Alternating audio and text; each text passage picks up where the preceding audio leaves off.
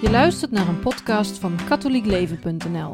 Terwijl er van 25 tot 27 januari 700.000 jongeren bijna aan de slotmis van de Wereldjongerendagen in Panama begonnen, stapten zo'n 180 Nederlandse deelnemers op de boot naar Ameland voor het thuisprogramma van de Wereldjongerendagen. Monseigneur van de Hende van het bisdom Rotterdam gaf er een catechese. We spreken met hem. Welk thema heeft Monseigneur van de Hende de jongeren mee willen geven? Het is bijzonder dat we elke WED een bijzonder onderwerp hebben. En Paus Franciscus heeft ons in de afgelopen twee jaar ter voorbereiding op de WED van nu en deze WED een tekst gegeven uit het eerste hoofdstuk van Lucas. En uh, dit jaar in deze WED staat een zin centraal die namelijk Maria uitspreekt als de engel Gabriel haar vraagt om de moeder van de Heer te worden. Dan is haar antwoord uiteindelijk: Zie de dienstmaagd des Heren, mij geschieden naar uw woord. Nou, over die belangrijke zin uit het Lucas-evangelie heb ik een catechese verzorgd. Verbonden ook met uh, de catechese inleidingen die in Panama worden gehouden en die de bisschoppen wereldwijd uh, geven in hun eigen taal. Ja, dus die zin die nu als thema geldt, mij geschieden naar uw woord, zie de dienstmaagd des Heren, is in drieën geknipt uh, in de voorbereiding van de WED om catechese over te verzorgen. En dat betekent in uh, Panama drie uitgebreide catecheses. Voor ons was het eigenlijk die drie thema's in één catechese gevat. Het eerste stuk is, hier ben ik. Het tweede stuk is, ik ben de dienaar van de Heer. En het derde stuk is, mij geschieden naar uw woord. En die eerste, hier ben ik, dat uh, wordt verbonden met Maria die staat en antwoordt in geloof. Dat ze dus, uh, wanneer de engel haar uitnodigt, uh, zichzelf beschikbaar stelt in het plan van God. En dat ze zegt dus, Heer, hier ben ik. Staat wel niet in het vers dat centraal staat, want dat begint met zie de dienstmacht des Heren, maar daar hoort wel de eerste zin bij, hier ben ik. En zo is de jongere gevraagd om ook na te denken over, hier ben ik op Ameland als lid van de kerk, als jongere generatie in de kerk. En uh, hoe is mijn band met God? Tegen wie ik durf te zeggen, ja, hier ben ik. Dat was het eerste stuk. Het tweede stuk van de catechese ging over de zin die Maria uitspreekt: Zie de dienstmaagd des Heren. Naar ons vertaald: Ik ben de dienaar, ik ben de dienares van de Heer. En dan is het geen dienstmaagd in de zin van dienstmeisje, die allemaal maar moet sloven of werk moet doen wat niet gewaardeerd wordt, maar iemand die een dienaar, dienares van de Heer wil zijn, die op zijn beurt allereerst dienaar van ons is geworden. Jezus die uh, met zijn leerlingen samen is bij het laatste avondmaal. In het Johannes-evangelie staat dat, wast zijn leerlingen de voeten. En voeten was, was eigenlijk in Jezus' tijd een werkje voor een slaaf, voor een dienaar. Maar Jezus als leraar laat zijn leerlingen zien dat elkaar dienen, en dat dan in uh, de symbolische handeling van de voetwassing, dat dat belangrijk is voor het evangelie. Dat Jezus gekomen is niet om gediend te worden, maar om te dienen. En dat ook wij in het voetspoor van Jezus de, de nederigheid en de beschikbaarheid moeten opbrengen om te zeggen, hier ben ik, ik ben uw dienaar. Nou, op die manier is aan de jongeren ook gevraagd, hoe zou jij in het licht van het evangelie een ander kunnen dienen? Jezus zelf dienen met je christen zijn, maar ook je naaste dienen vanuit je geloof. Dat was het tweede stuk van de catechese. En er werd ook nog bij een citaat van moeder Teresa genoemd. We zouden kunnen denken, ach, mijn dienstbaarheid stelt niet zoveel voor in het grote geheel. Maar dan zegt moeder Teresa, het is misschien een druppel in de oceaan, maar als ik die druppel niet geef, verandert dat toch iets aan die oceaan. Met andere woorden, ieder mens is geroepen is een unieke persoon in het heilsplan van God. En wanneer je antwoordt op de roeping en zegt: Hier ben ik, ik ben uw dienaar, dat je dan ook in dat voetspoor jouw stukje levert aan Gods bedoelingen met ons, in zijn geschiedenis. Dus dat was het tweede stuk. Eerst was het: Hier ben ik. Het tweede stuk: Ik ben de dienaar van de Heer. En het derde stuk: Mij geschieden naar uw woord, woorden van Maria. Hoe leg je dat uit? Betekent dat van, nou laat maar gebeuren, zo van, uh, ik zie wel of uh, het maakt niet uit? Nee, mij geschieden naar uw woord betekent dat je eigenlijk zegt dat in mijn leven datgene mag gebeuren, dat ik in mijn leven datgene mag doen wat God in zijn plan met mij voor heeft. Dus in andere woorden gezegd, dat ik beantwoord aan de roeping van de Heer. En dat was het derde deel van, en sta ik dan ook open voor die weg met de Heer in geloof. Heb ik ook uh, de moed om die roeping aan te nemen. En heb ik ook de kracht en de inspiratie daarvoor. En dan komen we eigenlijk ook uit bij de kerk zelf. De kerk is deels ook van de jongeren. We denken misschien wel eens, ja, de jeugd. Nee, de jongeren zijn gedoopt, gevormd, opgenomen in de kerk en als zodanig de jongste generatie van de kerk. En op die manier zijn zij een inspiratie voor de kerk als geheel, zoals de kerk wereldwijd en ook in ons land een inspiratie voor hen is. Want in de kerk leer je over Jezus. In de kerk hoor je het woord van God. In de kerk vier de sacramenten. De Eucharistie als bron en hoogtepunt, maar ook het sacrament van boete en verzoening om van God de liefde te ontvangen. Zoals Hij je aanspreekt en oproept en uitnodigt, is Hij ook degene die zegt: Ik vergeef jou. En zo komen we eigenlijk in deze catechese met een aantal dingen bij elkaar.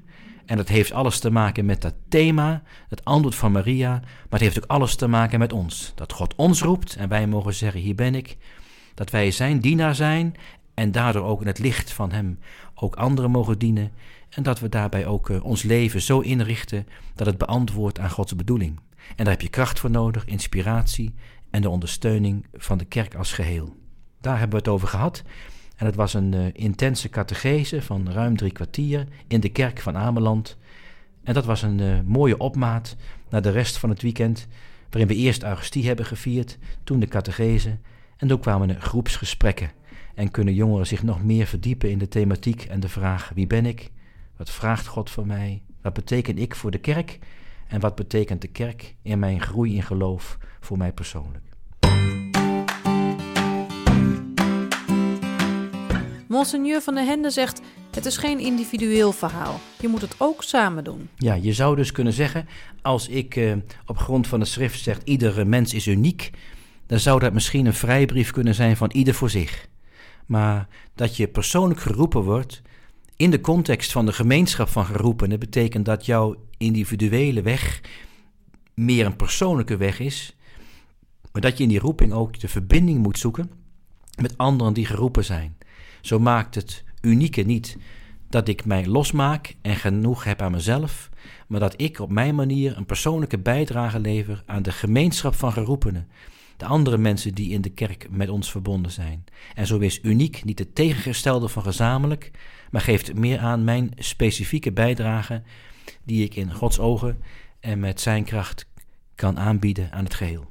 Daarover gingen ook de groepsgesprekken. Wat betekent de kerk voor mij, maar ook wat kan ik voor de kerk betekenen? Dat is belangrijk.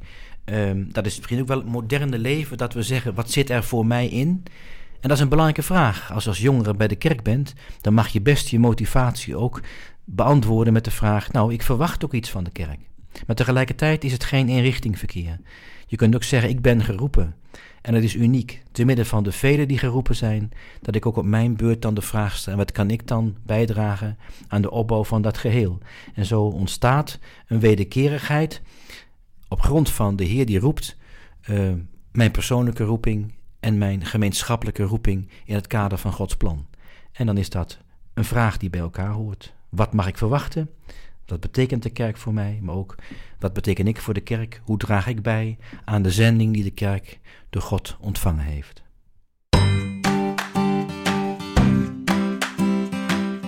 Wat is voor Monseigneur van der Hende het belangrijkste van de Wereldjongerendagen?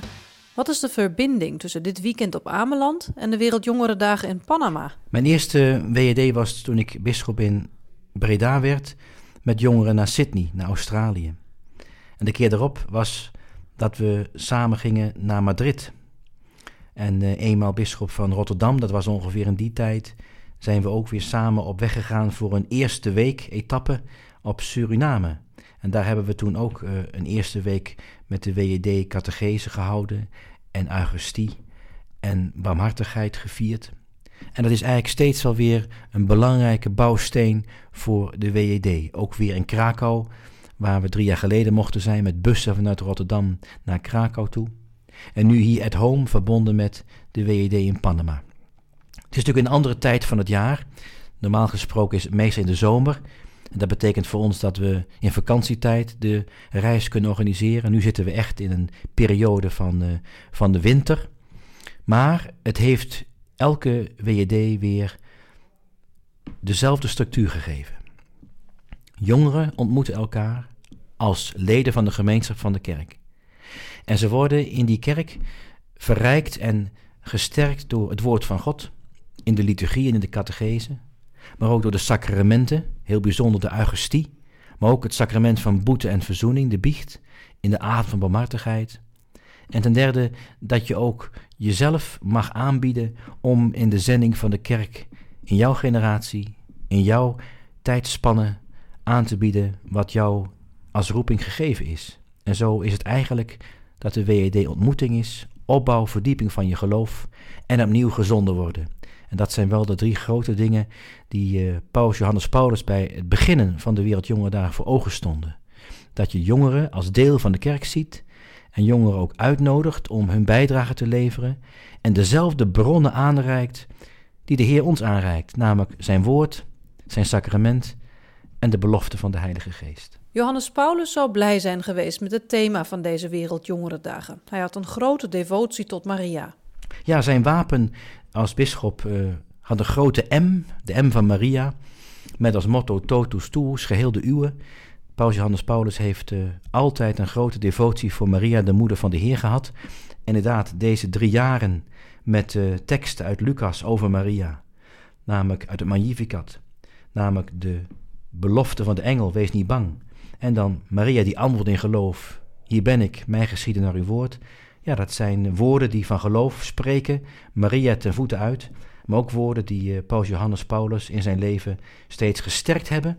Niet alleen als voorbeeld, maar ook het besef dat Maria voorspreker is en ook beeld is van de kerk, eerste gelovige van het Nieuwe Testament en degene die op de pelgrimstocht naar God haar einddoel heeft bereikt, maar nog steeds met ons meebidt, want wij zijn nog onderweg. En Maria maakt zich niet los van ons geloofsavontuur, maar blijft met ons verbonden. Dat was voor Paus Johannes Paulus zeker een enorme steun. En ook uh, datgene wat hij ons meegaf, steeds in zijn pontificaat. En wat hij ook de jongeren opnieuw wil laten proeven in de WED sinds daarmee begonnen is. Als hij met jongeren spreekt, waarom denkt Monseigneur van der Hende dan dat het belangrijk is om jonge mensen in de kerk samen te brengen? Het is belangrijk om op de eerste plaats te laten zien dat zij de kerk zijn uh, van de komende jaren. Zij zijn de huidige generatie die opgroeit, die zich steeds meer en meer ook in het geloof mag verdiepen. En als je als bisschop daarbij bent, dat betekent dat je bij een deel van de gemeenschap van de kerk betrokken mag zijn op een bijzondere manier. Als leraar door de catechese, als herder door naar ze te luisteren en met ze op te trekken. En ook wel als degene die uh, de sacramenten met ze mag vieren in de Eucharistie. En heel bijzonder in het sacrament van boete en verzoening. Een dialoog van heil waar de kerk in Christus naam uh, steeds jongeren in mag laten delen als een rijkdom voor de rest van je leven. En zo ben je als bisschop te midden van de jongeren ten volle ook in het ambt gesteld dat je is gegeven tot opbouw van de kerk. Ook de bisschoppensynode in oktober vorig jaar legde daar de nadruk op. Dat het belangrijk is om jongeren bij elkaar te brengen. Dat je als kerk onderweg moet zijn met de jongeren. Ja, de synode die gehouden werd in het eh, afgelopen najaar eh, maakt duidelijk dat jongeren deel zijn van de kerk. En dat ze in de kerk zijn tot inspiratie van andere generaties, maar dat ze er ook zijn als leerling, dat je ook mag ontvangen. En zo dat de kerk eigenlijk de plaats is waar je geloof kunt oefenen, waar je geloof kunt ontvangen en waar je geloof ook kunt eh, uitdragen, niet alleen in gebed, maar ook in naaste liefde en uh, in verkondiging van het evangelie. En zo is eigenlijk de synode bij het thema gekomen van de roeping die ieder heeft. Hoe onderscheid je die? Hoe vind je die? En hoe kun je daarin worden gesterkt en bevestigd? En ik denk dat in het licht van de synode ook deze WED at Home daar weer een prima uiting van is. Waar de bronnen die de Heer ons geeft beschikbaar zijn, waar je elkaar ontmoet als leerlingen van de Heer van verschillende generaties en waarin Jezus centraal staat en die zegt: Ik ben met jullie tot aan het einde van de tijd. Dus met hem meelopen van generatie op generatie, om hem ook te kunnen uitdragen, steeds opnieuw met heel ons hart. Dit was een podcast van katholiekleven.nl. Bedankt voor het luisteren.